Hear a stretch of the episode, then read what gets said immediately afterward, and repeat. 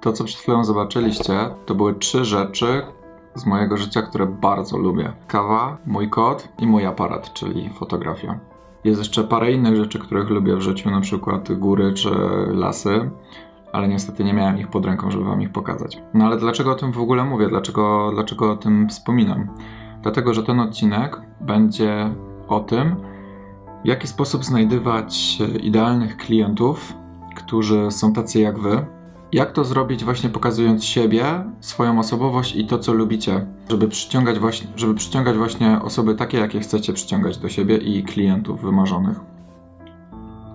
Słuchajcie, gdy zaczynałem swoją przygodę z fotografią ślubną, od razu sobie powiedziałem, że chciałbym pracować z ludźmi, którzy mają tak samo jak ja, którzy spostrzegają świat tak samo jak ja, ale bardzo szybko się przekonałem o tym, że to jest bardzo ciężkie, więc bardzo długo się zastanawiałem nad tym, jak dotrzeć do ludzi, którzy są podobni do mnie. I teraz właśnie chcę Wam powiedzieć, do jakich wniosków doszedłem i się z Wami tym podzielić. Podstawą jest Wasza strona internetowa. Jak nowy klient wchodzi na Waszą stronę internetową, to od razu widzi, czy Wy jesteście typem człowieka, z którym chciałby pracować i czy utożsamia się z Wami. Ja na przykład mam takie podejście, że ja bardzo staram się akcentować to, co lubię i jaki jestem i pokazywać tylko takie rzeczy, które chcę pokazywać, by przyciągać podobnych ludzi. Już na mojej stronie głównej możecie zobaczyć, e, gdzie jest, jest moja buzia uś, uśmiechająca się do, do nowych osób i pod spodem wypisuję od razu to, co lubię robić i jak lubię spędzać czas. Nie jest to przypadkowy zabieg, napisałem to właśnie dlatego, napisałem tam, że lubię kawę, czarnego kota, że lubię, uwielbiam podróżować po górach i lasy. Przede wszystkim jest to prawda, a po drugie napisałem to po to, ponieważ chcę przyciągać podnośnie podobnych ludzi do siebie. Możecie, możecie, możecie zrobić osobną zakładkę, na przykład o mnie i tam opisać e, właśnie jak lubicie spędzać czas, e, jeśli lubi, nie musicie robić to w identyczny sposób jak ja zrobię, po prostu bardzo ważne w tym jest to, żebyście byli szczerzy i spójni sami ze sobą, bo musicie mieć świadomość, że to, co tam napiszecie i to, jak się przedstawicie, to właśnie takich ludzi będziecie przyciągać do siebie. Kolejna rzecz to jest taka, że w momencie, kiedy budujecie swoje historie na swoją stronę internetową, historie ślubne lub y, jakąkolwiek rodzajem fotografii byście się nie zajmowali, to jest to, że ja kładę na przykład akcent na to, by pokazywać głównie to, jakich ja chcę ludzi y, przyciągać. Czyli na przykład w moich historiach znajdziecie bardzo dużo zdjęć yy, związanych z naturą, często, y, gdy jeżdżę do par, to przed ślubem chodzę wokół domu, szukam jakichś ciekawych, ciekawych roślin, ciekawych zagajników, chodzę po ogrodzie, fotografuję zwierzęta.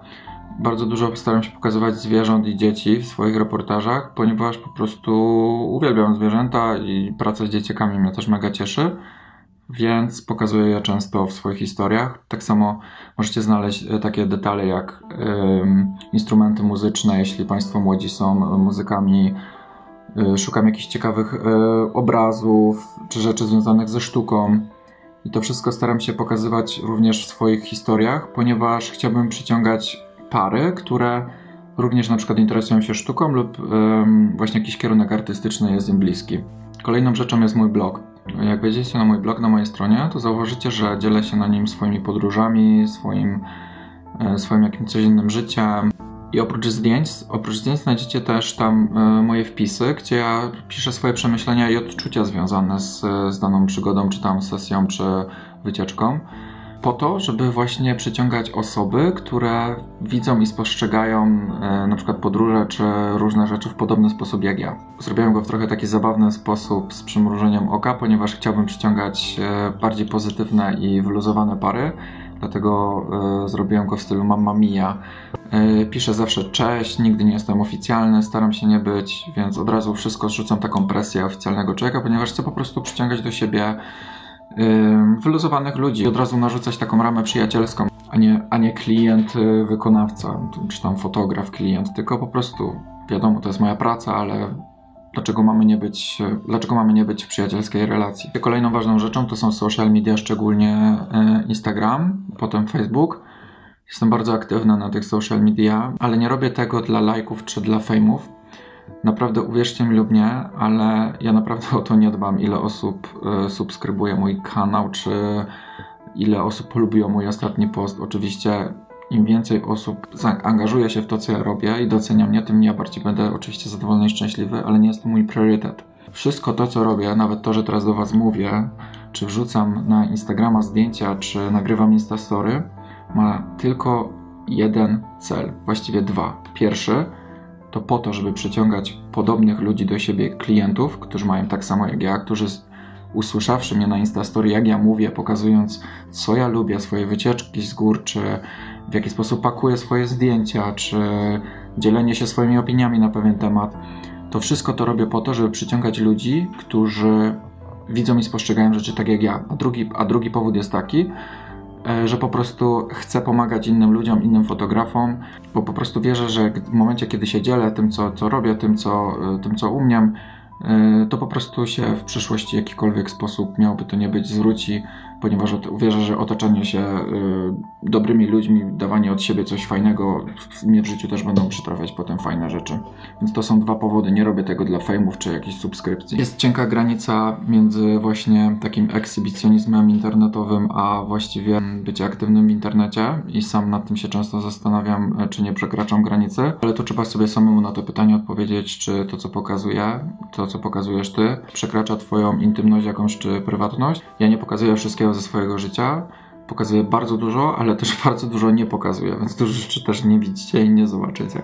Że bycie aktywnym na social media, y, odpowiadania na każdy komentarz. Jak zauważycie, wejdziecie na mój Instagram, ja staram się odpowiadać na każdy komentarz. Po prostu to chodzi o to, że pokazujesz ludziom, że ci zależy na tym, że to nie jest tylko to, że ja wrzucam zdjęcia i pokazuję światu, chwalę się tym, co robię, tylko że mi naprawdę zależy na tych ludziach, którzy komentują mi zdjęcia, dlatego nawet jeśli to jest zwykły komplement, ja po prostu staram się zwykle podziękować. Omijam oczywiście spamerów, którzy, którzy wysyłają mi tam wejdź na mój profil, polajkuj mi coś tam, czy kup mi coś tam, to takich ludzi to nawet im nie odpisuję, ale na każde inne komentarze staram się zawsze odpowiadać pokazywać, że mi po prostu zależy.